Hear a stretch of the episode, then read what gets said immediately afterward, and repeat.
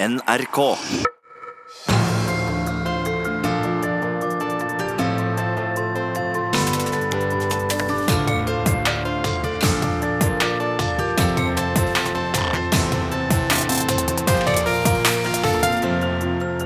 I disse dager forbyr barnehager og skoler barna å klatre i trea fordi de kan skade seg, men gir heller barna nettbrett og skjermer før de har mista melketennene. Og vi foreldre vi skjermer barna våre for det vi kan, men gir dem heller tilgang til skjermen seint og tidlig. Hva sosialt eksperiment er barna våre med på i den digitale oppveksten? Er smarttelefoner og nettbrett nyttige hjelpemiddel eller farlige rusmiddel? Velkommen til disse dager på NRK P2. Jeg heter Håkon Haugsbø og venter snart eh, skuespiller Ane Dahl Torp og YouTube-stjerna Noobwork hit på scenen. De skal være med i dette aktualitetsprogrammet som eh, tar et steg tilbake og spør hva skjer. Og det som eh, skjer, er at eh, Snapchat lærer småjenter at de kan bli vakrere med et filter, at tiåringer får synsvansker av skjermbruk, og at til og med mattelekser er en leik på internett. Derfor stopper vi opp ved den digitale revolusjonen som har kommet snikende til oss inn gjennom fiberkabelen og mobilnettet. Den som har gitt oss eh, sosiale medier, en app for alt, og ikke minst skytespill så enkle at sjøl barn kan drepe en mann på 1000 meters hall. Den digitale tidsalderen har også gjort noe med høgtider, slik som den som nå står for døra, påska. For nå trenger vi ikke lenger bare nøye oss med Kvikk Lunsj, appelsin, Ludo og Monopol.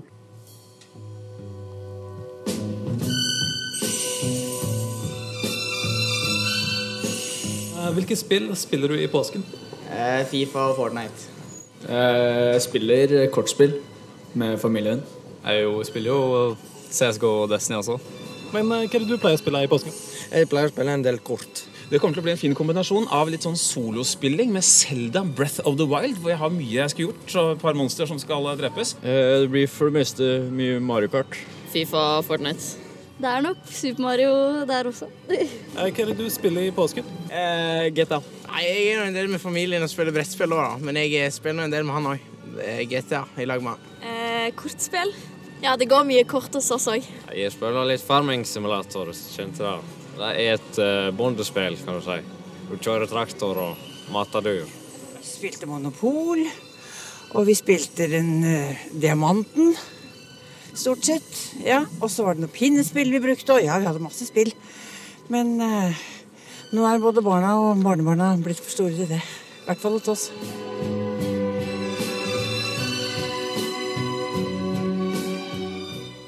Ja, barnebarna har blitt for gamle for Monopol, men tydeligvis ikke for små til Fortnite og Fifa. Eller er det snarere tvert om? Aldersgrenser, spilletid og digitalisering av oppveksten er tema i denne sendinga.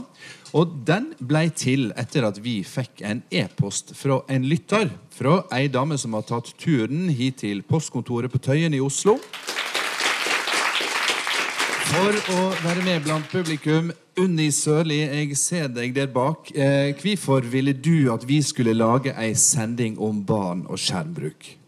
Jo, jeg må si at jeg er forundret og bekymret over at eh, man nå innfører nettbruk både i barnehage og i skole over det ganske land, og uten at dette er grundig belyst og debattert. Og til tross for at forskning viser at eh, mye skjermbruk har mange negative konsekvenser, sånn som at barn leker mindre, de er mindre fysisk aktive, de er mindre sosiale, men mer ensomme og sover dårligere. Og det er da jeg tenker Hvordan kan en så gjennomgripende reform nærmest gå under radaren, og det uten at den er forskningsbasert? Sjøl er jeg bestemor, og jeg tenker at barna er framtida vår. Og da må vi gi barna de beste utviklingsmulighetene. Og gjør vi det, eller er innføring av skjermbruk i barnehage og skole et gigantisk eksperiment som vi ikke kjenner konsekvensen av?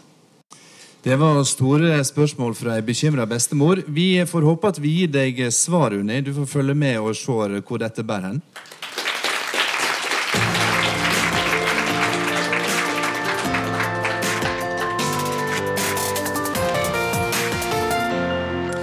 Ja, I mange heimer og blant eh, bestemødre, bestefedre og fedre er det konflikter knytta til grensesetting, aldersgrenser, tidsbruk og hva som er greit og ikke greit. Opp på scenen nå har vi fått to modige sjeler som eh, våger å komme hit og åpne litt opp om eh, ja, fortviling og fordeler som skjermene fører med seg. Jeg syns dere skal ta godt imot eh, pappa Christer Aas og dattera Noel. Jeg har lyst til å begynne å snakke med deg, Noel, siden det er deg og alle andre barn dette handler om. Eh, Du er ni år og går i fjerde klasse.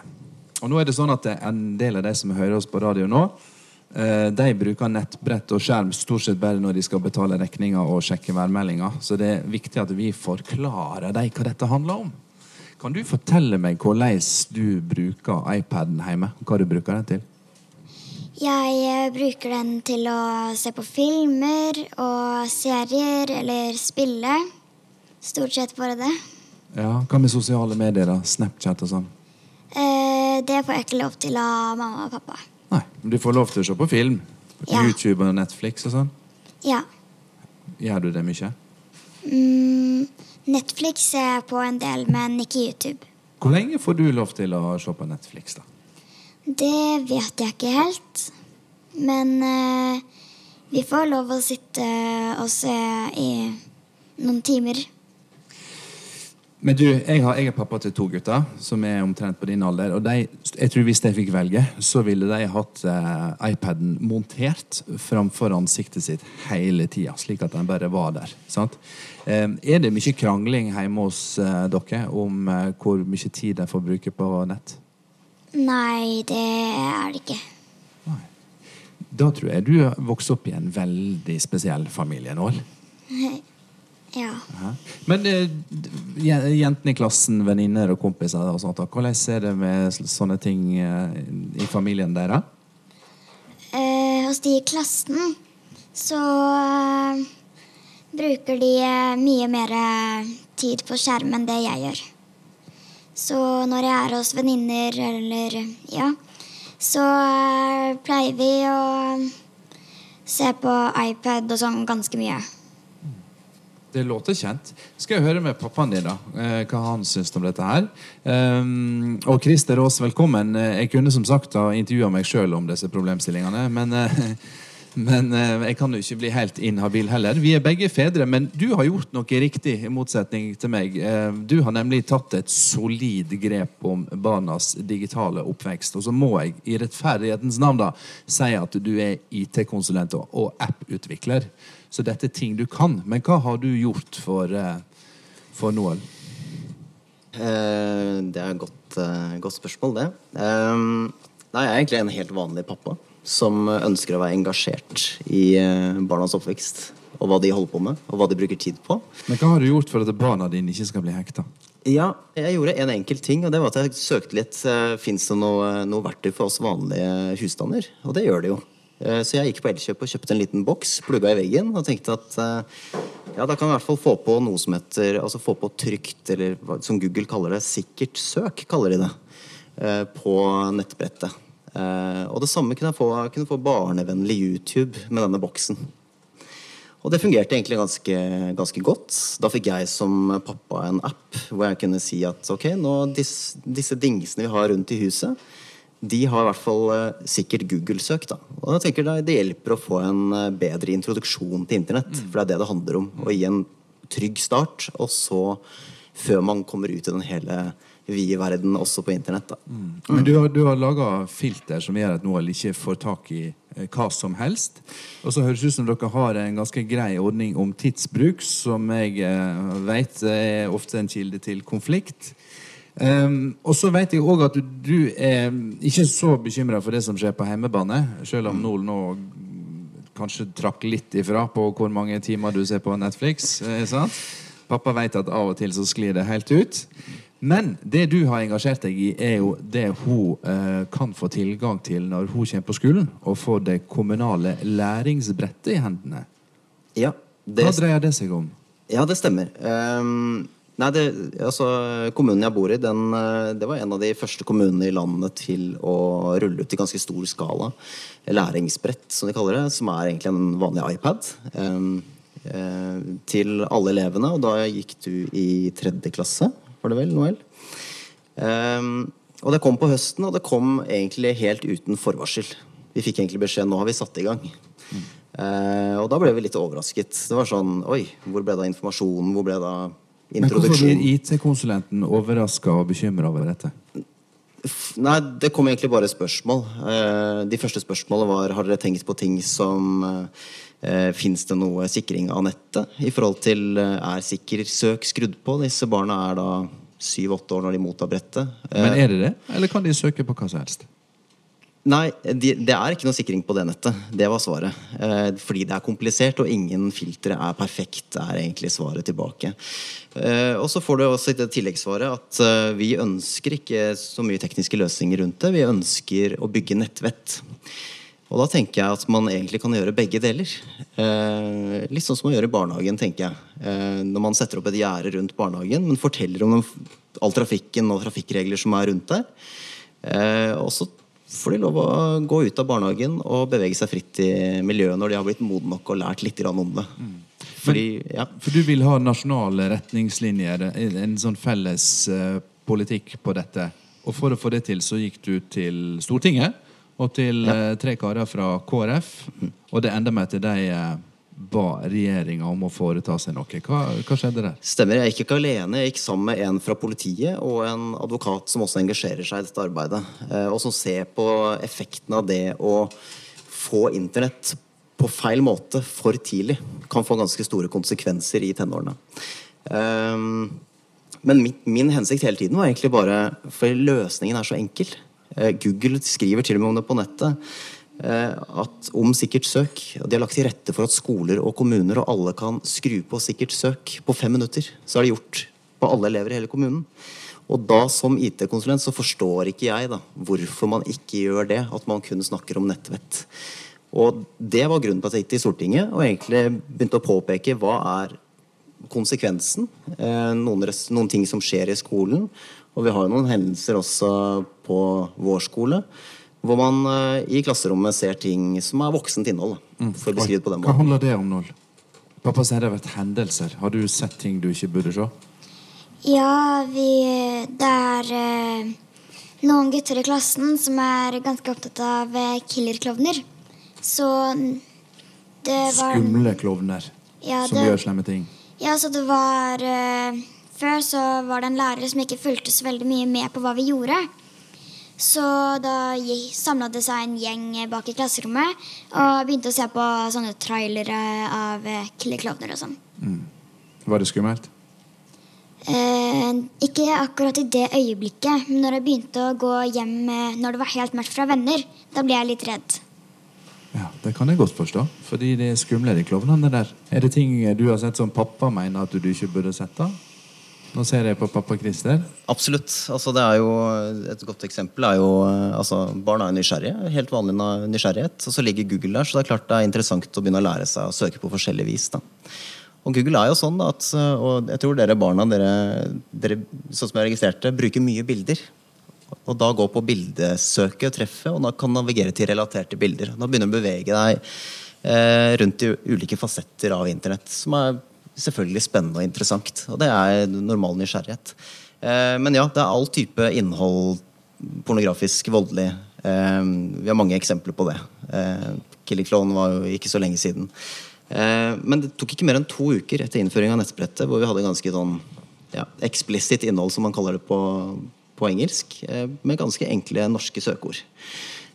Og, og jeg har jo en femåring som skal begynne i skolen nå til høsten. Og jeg tenker liksom, når hun får nettbrettet sitt, hadde vært veldig sånn ja, betryggende å vite at en så enkel ting som trygt Google-søk, som bare skal fjerne, som Google sier selv, ikke barnevennlig innhold, er på de første årene i barneskolen. Det er egentlig hensikten med hele engasjementet. Mm. Men du er jo en mann da som du, du vet hva som skal til, og du har tatt grep. Vært en ansvarlig og flink eh, pappa, må jeg si. Um, og sånn sett tatt kontroll på heimebane. da. Men er det slik at du opplever at når Noel går på skolen, så, så glipper den kontrollen fordi det ikke er kontroll? Det er helt riktig. Eh, og det var en litt frustrerende følelse. må jeg si Fordi jeg og en del foreldre i, eh, der vi bor, vi snakker jo sammen og prøver liksom Ja, når begynner du med mobiltelefon? Når skal du på sosiale medier? Altså, det er slett ikke alle som snakker om det, så det er forskjellig tempo og sånt på ting. da Men eh, det viktigste for oss er jo dialog. Det er ikke det å sette opp et fysisk hindring. Vi vil også ha dialog og nettvett og den praten der. Eh, men, eh, men det er klart det når vi får beskjed om at eh, de setter i gang eh, på skolen uten filter, og det går bare to uker, så er det ganske mange tilfeller på løpende bånd, og så er det litt sånn kontinuerlig ettertid, så blir jeg litt oppgitt eh, som forelder når løsningen er så enkel rent teknisk. Og da lurer jo jeg selv også på om dette er eh, politikk forhold, som handler om en mye større tema, om det å sensurere internett. Eller om det handler om eh, teknisk kompetanse. Eller om det handler om Og da, da tviler jeg også på kommunenes evne rett og slett til å samordne seg og skulle få en god løsning i alle kommuner i Norge. Når det er såpass vanskelig bare det er egentlig de to kommunene jeg har snakket med. Noel, jeg må bare spørre deg, Syns du pappa er veldig snill nå, eller syns du han er litt streng, som vil sette så mange gjerder rundt internett for deg? Jeg syns ikke akkurat han er eh, streng. Men eh, noen ganger så syns jeg at det er litt for mye filtre. Ja, ok. Det var, det var nesten godt å høre, Noel, for da vet jeg at da er du lik eh, mange barn som jeg kjenner. I hvert fall. Jeg sier, tusen takk, Noel, for at du tok med deg pappaen hit til oss i dag. Veldig bra. Og Christer Aas har satt i gang en snøball som har rulla helt til Utdanningsdirektoratet. Og vi skal sjekke snart om hva som er status på arbeidet med nasjonale retningslinjer. Og vi skal spørre psykologen om skjermbruk i skolen egentlig er bra for barna. Det er altså ikke bare framtida som er digital, det er også nåtida. Spørsmålet er hva forteller fortida oss om måten vi har møtt endringer og teknologiske framsteg? Mykje av motstanden mot fargefjernsyn er av psykologisk art. Fargefjernsynet får nokså ufortjent status som symbol på vondskapen og irrasjonaliteten i vårt økonomiske system. Det kan virke som at teknologiske nyvinninger alltid blir møtt med stor skepsis. Til og med farge-TV måtte forsvares av tidligere stortingsrepresentant og NRK-sjef Einar Førde i 1971. Vi får finne oss i at synda er kommet til jorda, men vi vil ikke ha henne i farger. På 80- og 90-tallet var det TV-en som var den store trusselen. Men når vi nærmer oss 2000-tallet, var det internett som ble den store stygge ulven, som trua både barna våre og folkehelsa.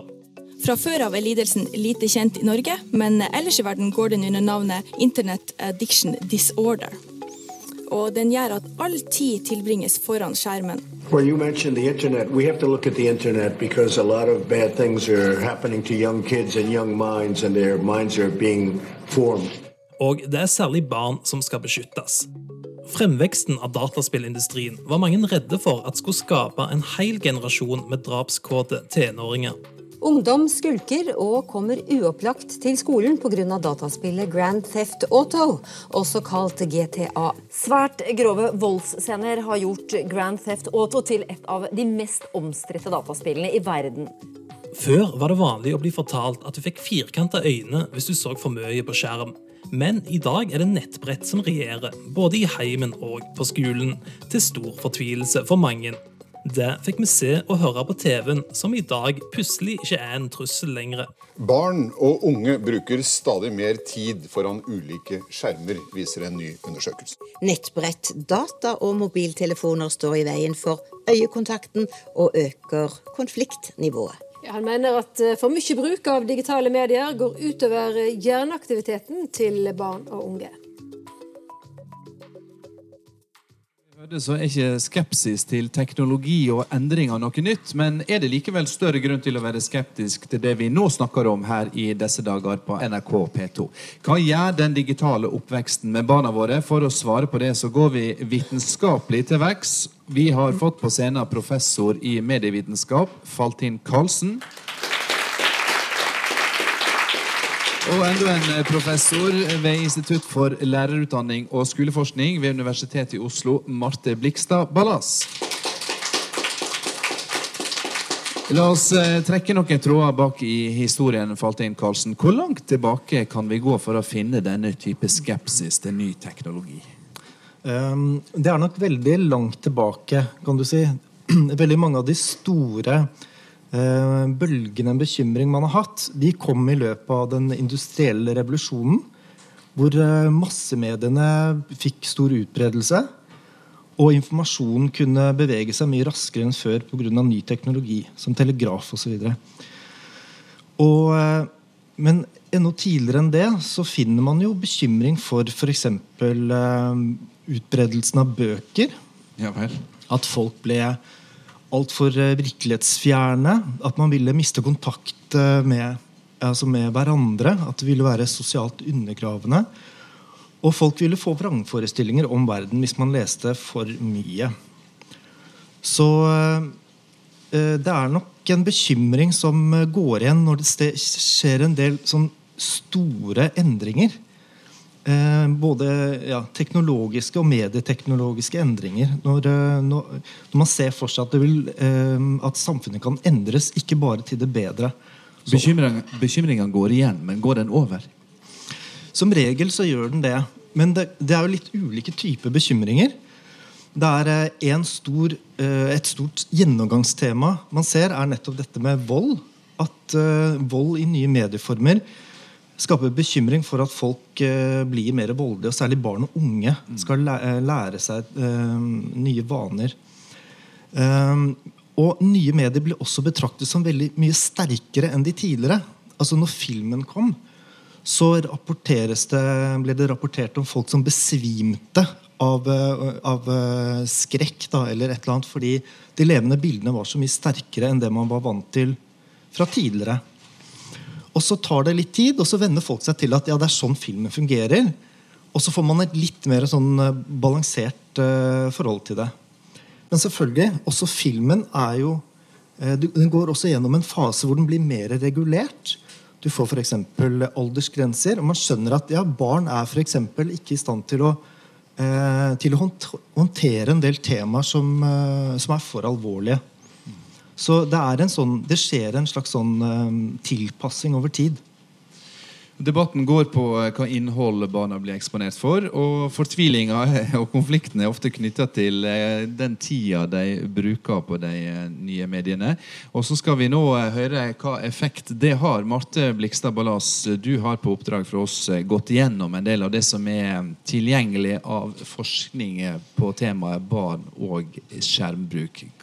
Hva, hva sier forskningen om dette? her? Ja, det er jo alltid sånn med forskning at vi svarer jo ikke veldig entydig uansett hva dere spør om. Men eh, de store tendensene bekrefter egentlig det du er inne på, altså bekymring.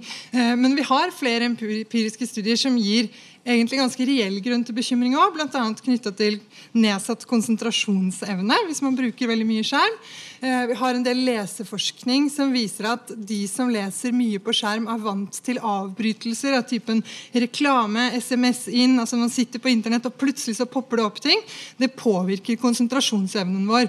Og Det som er ekstra spennende med det, er at den påvirkningen gjelder også når vi fjerner oss fra skjermene.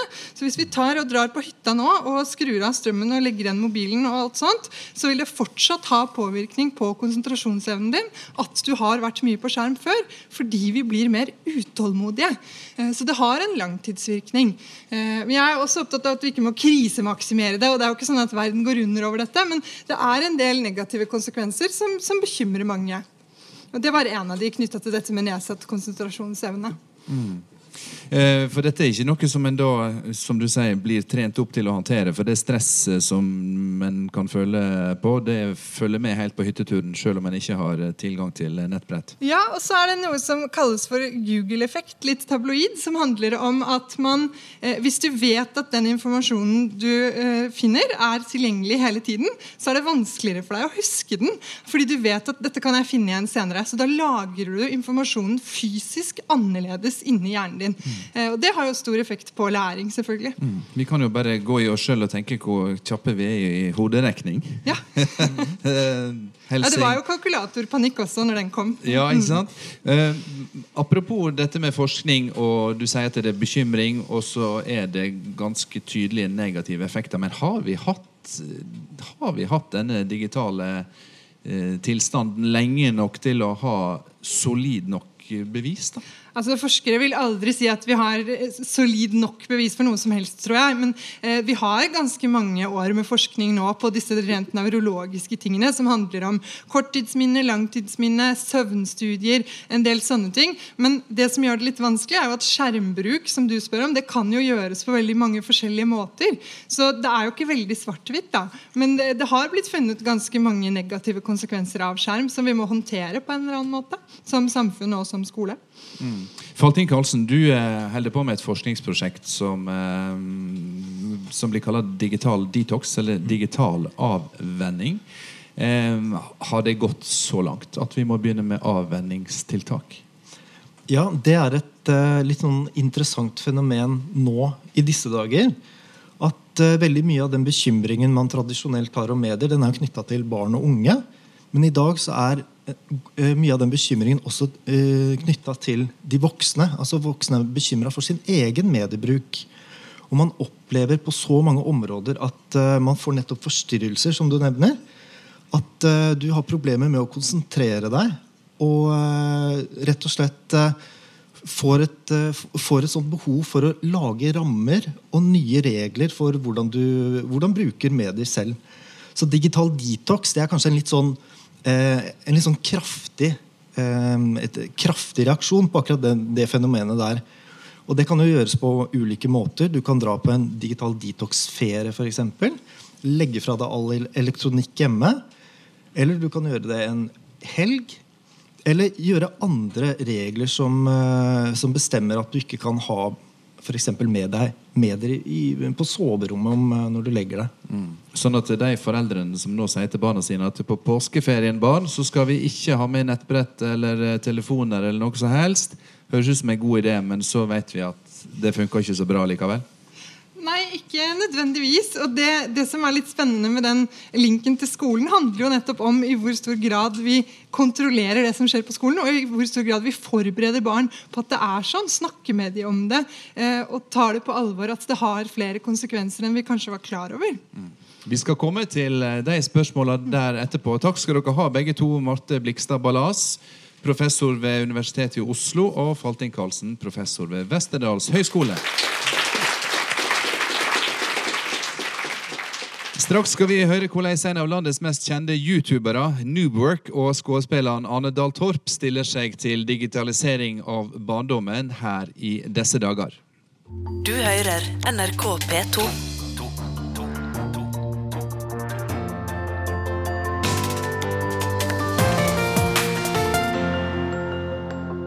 Spørsmålet er altså om vi står midt i eh, en av vår tids største sosiale eksperiment. I den digitaliserte oppveksten får skoleelever kasta iPads, laptops, smartboards og andre devices etter seg fra de er små.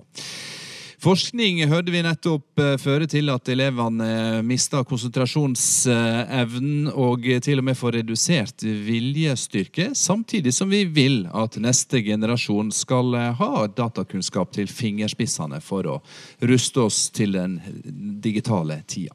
På scenen her på postkontoret nå, en rektor, en utdanningsbyråkrat og en psykolog. Jeg begynner med deg, eh, Trond Ingebretsen. Du er direktør for eh, Stab for digitalisering i Utdanningsdirektoratet. Det var en lang tittel. Og det er altså deg vi kan takke for at barna nå eh, har nasa ned i en skjerm i stedet for i ei velbrukt lesebok med eseløyre. Hvorfor vil dere digitalisere utdanninga? Jeg er ikke helt sikker på om jeg skal påta meg det ansvaret. Eh, Men, eh, men det, det som er viktig å, ta med, er at vi har hatt teknologi i skolen i, i 40 år. Sånn at dette er jo ikke noe nytt. Men teknologien har modnes nå, så den, den, den innføres i, si, både bredere Men du har ikke eh, hatt og- internett og i 40 hurtigere. år, da?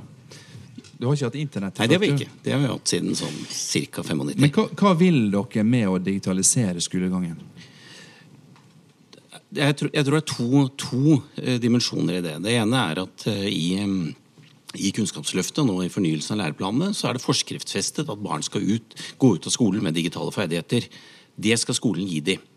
Eh, og de, de, de problemene og utfordringene som vi har hørt så langt i programmet, er jo reelle. Eh, noe av skolens oppgave er å løse dem. Og da, da trenger skolen faktisk tilgang på digitalt utstyr. Eh, Og vi trenger filtre, men vi trenger også det aller beste filteret. er det vi klarer å bygge i hodet på barnet gjennom en lang skolegang. Men Christer Aas, som du hørte i stad, bekymra pappa med IT-kompetanse. Forstår du at han eh, ikke syns at ting fungerer godt nok? Ja, det forstår jeg godt. Ja. Men hva gjør dere med det? Fordi det er jo direktoratet som, eh, som ber kommunene om å sikre digital kompetanse og skaffe nettbrett eh, til alle. Ja, ja, det er riktig. Hva, hva, hva føringer legger dere for eh, kontrollen og det å bygge trygge gjerder rundt barnas internetthverdag? Det, det ligger inne i de generelle føringene som, som, som skoleeierne er ansvarlig for. Eh, Og vi, vi er også bekymret eh, for det kompetansespennet som vi ser hos de forskjellige skoleeierne. Vi har 2800 grunnskoler i Norge. Eh, De, de innfører teknologi i varierende grad, og det har de også lov til innenfor regel, regelverket. Kravene om at teknologien skal innføres på en forsvarlig måte, er, er jo krystallklare. Men det viktige her er jo om barna lærer bedre ved å få uh, undervisninga på en skjerm. Gjør de det? Da kommer vi til den andre dimensjonen. Altså Den første var å lære barna å håndtere teknologien som ligger i digitale ferdigheter. Den andre er å bruke teknologien i, i læringsøyemed. Eh, der spriker forskningen. Eh, fra eh, noe forskning som peker ja, og noe som sier nei. Eh, og jeg tror hoved, hovedgrunnen her er å bygge den kompetansen hos lærerne som gjør at de klarer å bruke teknologien eh, på, altså i, i læringsarbeidet. Skal vi høre med en erfaren rektor, da? En som har vært rektor eh, i ti år. Bjørn Bolstad. Du var rektor på Ringstadbekk skole i Bærum. Opplevde du at elevene lærte bedre ved digital læring? Eh, Jeg tror vi skal starte med å stille spørsmål om det faktisk er spørsmålet. For du hevder at eh, det viktigste er om elevene lærer med digitale redskaper. Det, ikke, det fins mange flere eh, oppdrag for skolen. Eh, Men for å svare på spørsmålet ditt, så altså Jeg opplevde ikke direkte hva elevene lærte, og ikke, men man vet av forskning at det er lite som indikerer at eh, digital bruk gir økt læring. Hvis man snakker om læring altså som kan måles ved eksamen og nasjonale prøver, og slike prestasjoner, så er det lite forskning som peker på det. Um, så sånn sett så vil i en sånn enkel setting gjøre elevene de bedre på eksamen hvis de får bruke digitale ressurser, så er sannsynligvis svaret nei. Sannsynligvis ikke. Men altså, da hører jeg dere begge si at vi vet ikke helt sikkert om barna lærer bedre. Det er slett ikke sikkert, men dette er viktig for å sikre kompetansen osv. Samtidig som vi hører at eh, skjermbruk over tid har helt klare negative effekter. Eh, står ikke dette i en voldsom eh, motstrid eh, til hverandre? Nei, ikke nødvendigvis. Altså, hvis skjerm, skjermtid er et problem, så kan, bør vi i hvert fall ikke kutte ned på den skjermtiden som brukes til læring, øving. Eh, Da må det være fritidsbruken som må ned.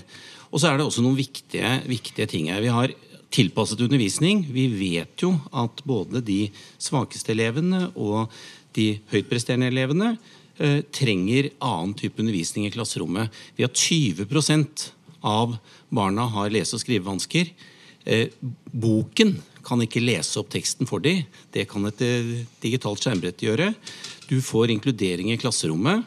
Eh, de slipper å gå på gangen et annet sted for, for å få fatt i dette utstyr- utstyret. Og du kan også differensiere oppgavene, sånn at de høytpresterende kan få noen andre oppgaver enn de andre.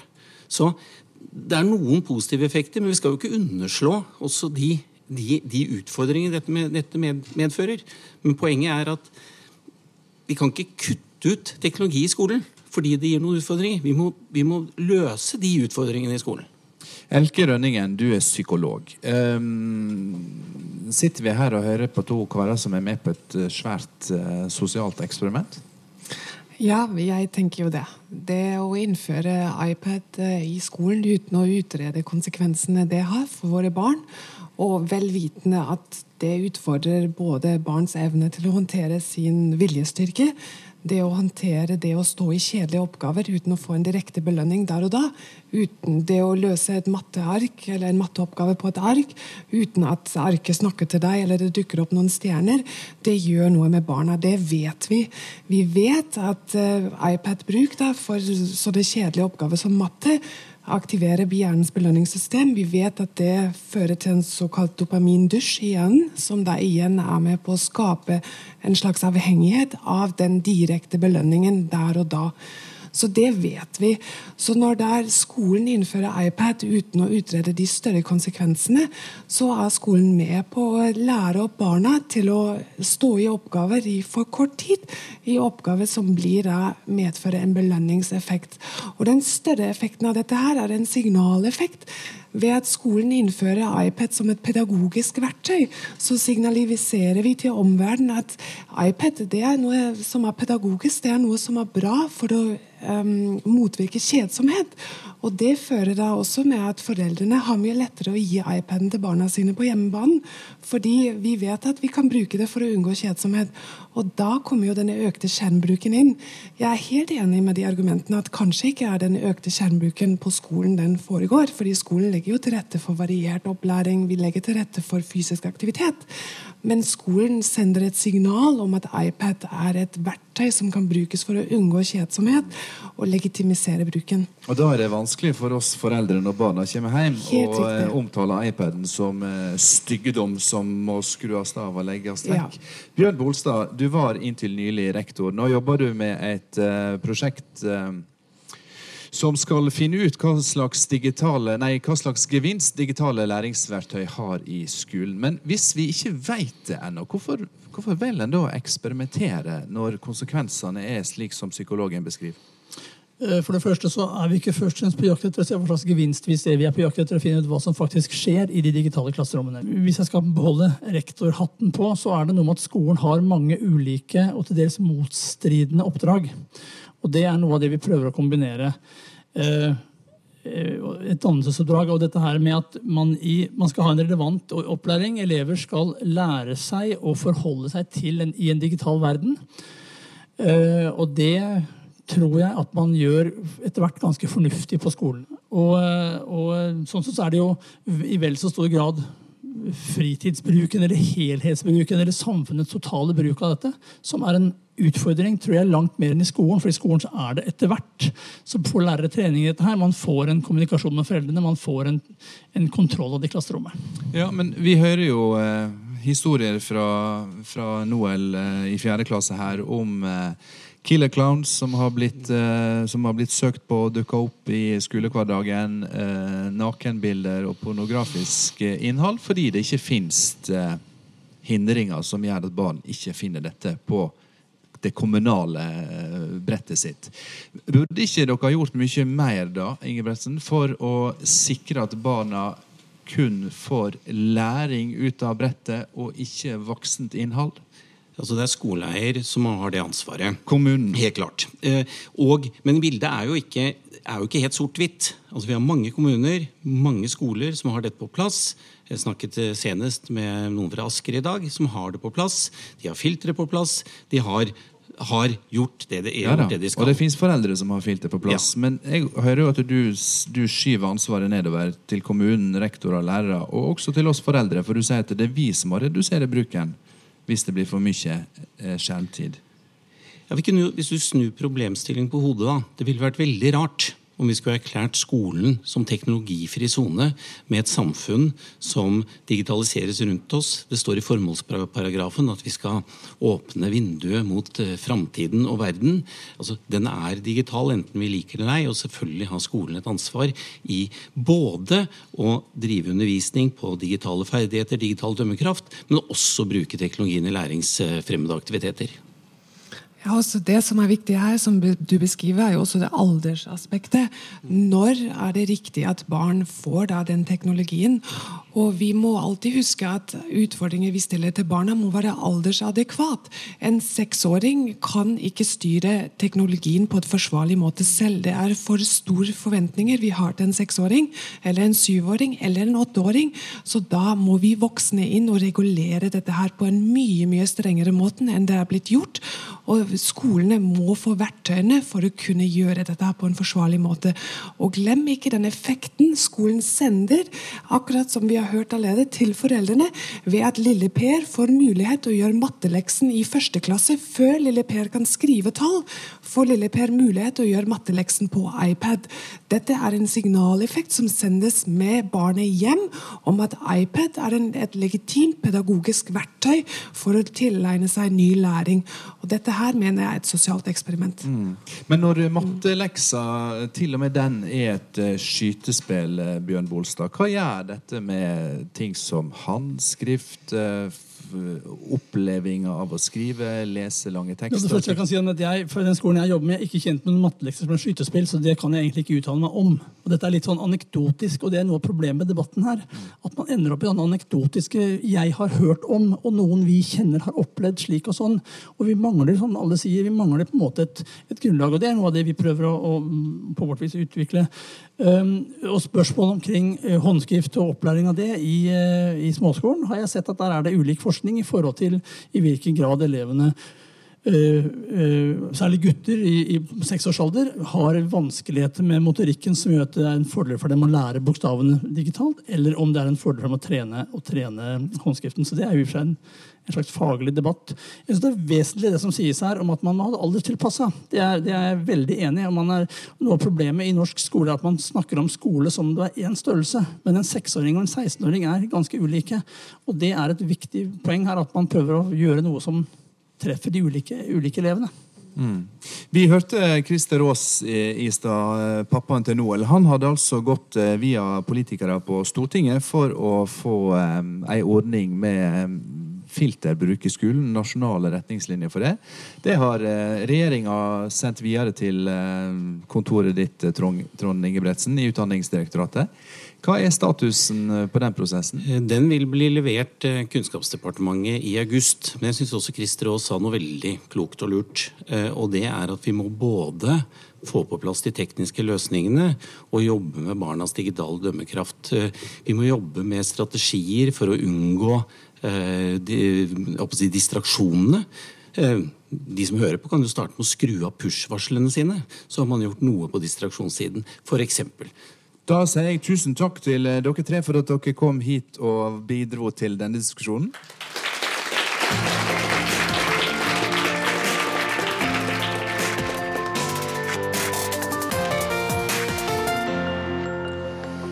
Nordmenn er født med ski på beina, sies det. Snart blir de kanskje fødde med et nettbrett i handa også. Vi har altså snakka om digitalisering av skolen og effektene det har på læring og konsentrasjon. Nå skal vi eh, tilbake til eh, heimebane. Når vi spør hvordan vi som foreldre skal håndtere digitaliseringa av barna våre sin oppvekst. Med oss nå er skuespiller Ane Dahl Torp og eh, YouTube-stjerna Noobwork, som er døpt Joakim Haraldsen.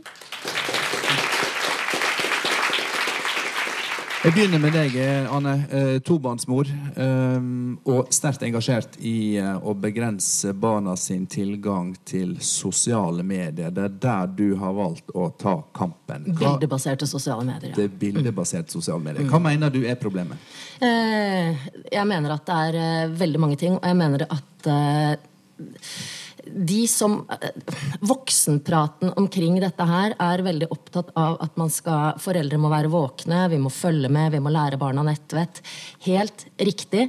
Men utover det så sier man at dette her er foreldres individuelle ansvar å finne ut om mitt barn under 13 år, det er de jeg snakker om, skal få lov til å begynne på sosiale medier. Der mener jeg at det er så mange skadevirkninger som er langt mindre dramatiske enn som at mitt barn mangler nettvett og møter en skummel voksen som vil eh, ta på det.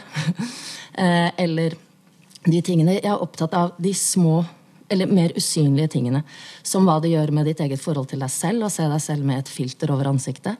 Et forskjønnende filter når du er et lite barn. Eh, hva det gjør at um, du er eh, At du kan, til enhver tid, 24 timer i døgnet, kan se hva vennene dine holder på med, mens du selv kanskje sitter hjemme og ikke gjør noe spesielt gøy. Jeg tror det gjør noe med menneskets sjel fra man er små. Um, og jeg hører ikke at det er tydelige voksne stemmer der ute med makt som sier seg villige til å gå, gå for noen kollektive grep der. Uh, kan jeg fortsette å snakke? Eh, ja. Eller Var dette en litt lang du kan trekke pusten, og så kan jeg eh, så kan jeg stille deg følgende spørsmål. Ja. Fordi du har altså engasjert deg sterkt i dette. Og du har eh, tatt til orde for å få ei nedre aldersgrense på sosiale medier. Ja, det er jo en anbefalt Ja, men en aldersgrense. praktisering av det. Eh, og da lurer jeg på hva respons har du fått på, på det kravet når du har vært på konferanser, seminar, eh, Mm. foreldremøter på skolen? Eh, det foreldre sier, er jo at de lengter etter De syns det er utrolig deilig at noen sier det. Og de lengter etter det her, og de sier dette her er jo det eneste vi diskuterer på hvert eneste foreldremøte. Eh, samtidig så sier eh, Datatilsynet, Medietilsynet, Barneombudet, de voksne sier at dette er et individuelt ansvar, og at man må ha et regelverk som er realistisk. Det vil si, når eh, 79% eller 69 Når nesten alle jenter, gutter under 12 år er på sosiale medier, så må man ha et realistisk regelverk som gjenspeiler dette. så man kan ikke ha et forbud. Men dette her er faktisk et regelverk som man ønsker seg. Og eh, det er ikke vilje til å gjennomføre det.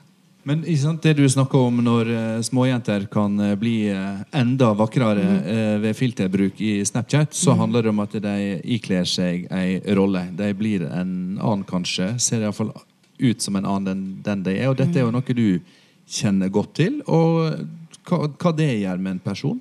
Ja, eh, altså, men, men jo, på en måte så er det noe jeg kjenner med at det kan eksistere et eller annet bilde av Eller at man kan begynne å forholde seg til et bilde av seg selv som noe som er uoppnåelig.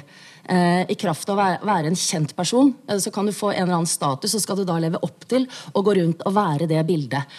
Eh, hvis du tar et bilde av deg selv på Snapchat, hvis du lager en eh, video på TikTok der du ser ekstremt bra ut, så kan du bli fristet til å gå rundt og liksom eh, bevise at dette her er virkeligheten, dette her er meg. Jeg lurer jo også en venn av meg som har en datter på 11 år som laget en eh, video på, på TikTok som hun fikk 11 000 visninger på. Hva skal en 11-åring bruke det til? Hva gjør hun da? I kjølvannet av det her. Eh, og kan jeg fortsette å prate som en foss? Du, fordi du sier veldig bra ting, Anne. Såpass bra at jeg har lyst til å vende meg til eh, ei, ei annen stjerne her i dag, nemlig YouTube-stjerna Joakim. Ja. for de som følger med på slikt, eh, kjent som Noobwork. Og det paradoksale det er jo deg barna mine har bedt meg eh, sikre autografen til eh, før jeg drar herfra i dag. Eh, Joakim, du har vært YouTube-stjerne. Du har 200 000 eh, følgere eller abonnenter på din YouTube- YouTube-kanal, og forferdelig mange visninger. Kan du forstå den uh, bekymra mammaen Ane her? Er Veldig. Si? Ja. Egentlig. Hva er dine erfaringer? Um, jeg har ikke så veldig mye erfaringer, jeg har jo ikke noen barn selv ennå, men um, jeg syns det er galt om de yngre som bruker sosiale medier, skal tro på alt kjendiser legger ut. For det dem legger ut, er jo bare entertainment. Ja. Det er jo ikke sånn virkelig liv er. Så jeg forstår veldig godt uh, hele samtalen her. Men du, eh, du har mange fans som er ganske unge. Mm. Ikke sant? Du er et forbilde for hvor, hvor unge er de som følger deg, da? Det er jo alt fra min egen alder og, og nedover, vil jeg tro. Um, så jeg vet jo at det finnes åtteåringer, niåringer som også ser på. Ja. Da er spørsmålet mitt eh, Den oppveksten du har hatt Du ble altså en, eh, en utrolig dyktig og dermed veldig kjent gamer. Mm. Eh, Og så fikk du YouTube-kanalen din. Ja. Tenker du at det går an å begrense barnas tilgang til den type innhold? Skal jeg som pappa liksom begrense barnas tilgang til det du serverer deg i YouTube-kanalen din? Oh, ja, absolutt. Eh, det er utrolig viktig. Eh, det jeg legger ut på, på YouTube og andre sosiale medier, er jo underholdning. Eh, og det er jo noe man skal sette nederst i rekka over prioriteringer. Det er jo det samme som å sette seg ned på sofaen og se på Netflix eller fotball eller whatever. Det er så mye annet som er viktigere i livet, som skal gå først. Og det mener jeg. Mm. Din karriere begynte jo eh, på litt uheldig vis fordi du hadde ryggskade som gjorde at du, Mm. du både satt mye og var mye inne, og dermed så ble PC en, eh, en kompis. Eh, hva sa dine foreldre da når du forsvant inn i, eh, inn i spillverden? Um, når jeg var sengeliggende, som jeg var i fire år, så, så var det kun data, dataen jeg kunne snakke med. Og da snakket jeg jo med venner gjennom internett. Um, hadde ikke det vært mulig, så hadde jeg hatt det veldig trist de fire årene. Uh, så det var jo liksom lykkene i, hverdagen min. Men uh, jeg har jo spilt utrolig mye utover det også, som har gått utover skole og det sosiale liv. Og da var jo foreldrene mine utrolig bekymret. Og da står de der liksom og spør seg sjøl hva er det man skal gjøre. Siden det føles veldig feil for dem å ta fra meg det eneste som betyr noe for meg også. Mm. Så det liksom den, den kampen der da, er utrolig vanskelig. Arne, krangler du mye med dine barn om, eh, om tidsbruken? Ja. Jeg, jeg syns det er veldig vanskelig. Eh, Jeg håndterer det ikke bra. Eh, Jeg er ofte sint og oppfarende. Og, og, for det er jo sånn ok, om så og så lenge, da skal du slutte, liksom. Og si ifra på forhånd. Og uh, vi har liksom uh, regler, da. Eh, og de har snakket om de reglene med barna, eh, sånn som ekspertene sier at de skal. For det er jo sinnssykt viktig at du skal bli enig med dine egne barn om absolutt alt. Og ifølge eksperter, vet du hva, det er ikke alltid mulig, altså. Å bli enig med de barna. Da mener jeg faktisk at jeg må bestemme fordi jeg er voksen. eh, Men hvis jeg sier til deg at Ja. du som mamma burde engasjere deg og involvere deg i, i det barna dine Ja. faktisk driver med, hva svarer du da? Ja, Uh, nei Ledende. Ja, ja. Nei, altså, det er jo veldig mye sånn, Jeg er jo litt nysgjerrig på det. For de sier jo sånn ja, du må vite hva barna dine spiller, og sett deg ned og spill sammen med dem og se hva det er. vet du hva? Fordi jeg, jeg gidder ikke. Uh, så jeg har tenkt, Det er et valg jeg har tatt. Så at jeg da i tillegg til liksom å skysse hit og dit på fotballtreninger passe på sånn, prøve å holde i gang et hverdagsliv. At jeg, man da krever av meg at jeg også skal sette meg ned og spille sammen med barna mine i stedet for da å gå og vaske opp. Det gidder jeg ikke. Og da er man ræva foreldre nå til dags, da. Ja, da lurer jeg på, Joakim, eh, burde vi Nei, som foreldre Mener du at vi som foreldre bør sette oss ned med barna våre og spille med dem og være med dem inn i YouTube-verden og finne ut hvem er nå denne work for en kar, og hva driver han med? Ja. Jeg tenker Det er helt feil å si at man skal sette seg ned og spille med dem. Men jeg tenker det er lurt å sette seg ned og forstå hva det er. Det er stor forskjell. Så å bruke en kveld på å gjøre litt research på å prøve å forstå hva er det barnet mitt spiller, og hva er det barnet blir eksponert for, det er veldig viktig som forelder.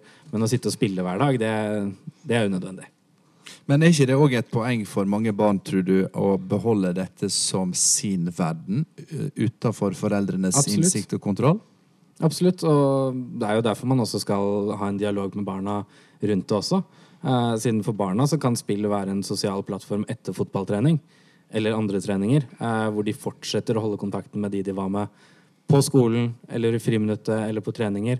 Eh, så fortsetter de å ha sin private sone der, hvor de prater om andre ting, eh, som de ikke prater face to face.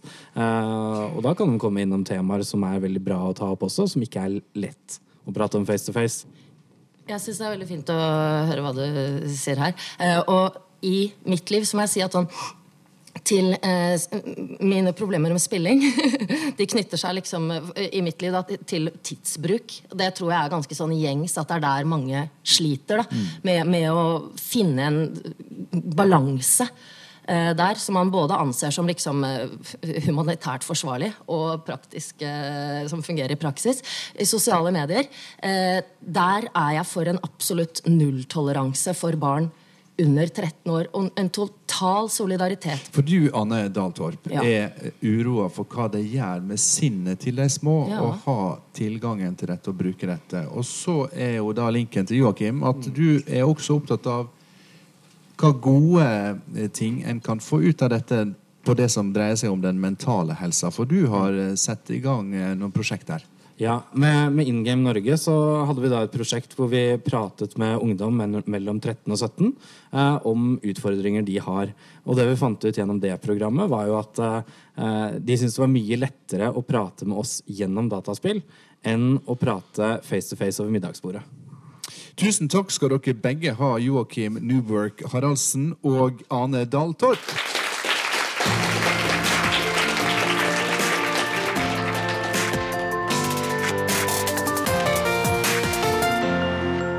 Denne utgåva av Disse dager kom altså i stand fordi vi fikk en e-post eh, fra en lytter som mente at vi måtte ta opp eh, temaet barn og skjermbruk. Og da er jeg spent, Unni Sørli, du har fulgt denne sendinga fra publikumsplass. Eh, er du mer beroliga nå etter å ha hørt på dette?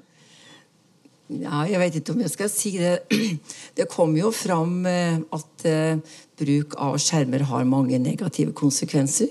Og psykologen sa jo at det var et sosialt eksperiment. Og vi hører at det er veldig vanskelige situasjoner foreldrene kommer inn rundt eh, det med sosiale medier hjemme. Men jeg tenker spesielt på bruk av nettbrett i skolen. Og der er jeg jo veldig redd hvis skolen liksom kaster ut læreboka og bare satser på brett, som man av og til kan få inntrykk av. For du er tidligere lærer. Det er må vi ja. inn. Men så sier de også at det er foreldra sitt ansvar å begrense bruken på heimebane, for det er der det store volumet er. Hva tenker du om at det er vi som får eh, ansvaret tilbake? Jeg føler at skolen har jo, eller syns skolen har et veldig stort ansvar i så måte. Og um, det vi hørte her om eh, alt når det gjelder med begrensninger, sånn, det må, må gjøres alt ifra skolens side. Og det kan ikke være opp til den enkelte forelder. Det er i hvert fall helt sikkert. Tusen takk skal du ha, Unni Sørli, og ikke minst fordi du eh, sendte oss e-post og fikk eh, sett i gang denne sendinga. Tusen takk til deg og publikum her på postkontoret på Tøyen. Takk til eh, de som var med å lage denne sendinga. Reporter Ola Solheim, teknisk ansvarlige Helje Torsdatter Svensson, Geir Døli Gjersjø, produsent Ragnhild Vartdal og meg, programleder Håkon Haugsbø. Gjør som Unni, send oss en e-post på disse dager krøllalfa nrk.no. Takk for følget.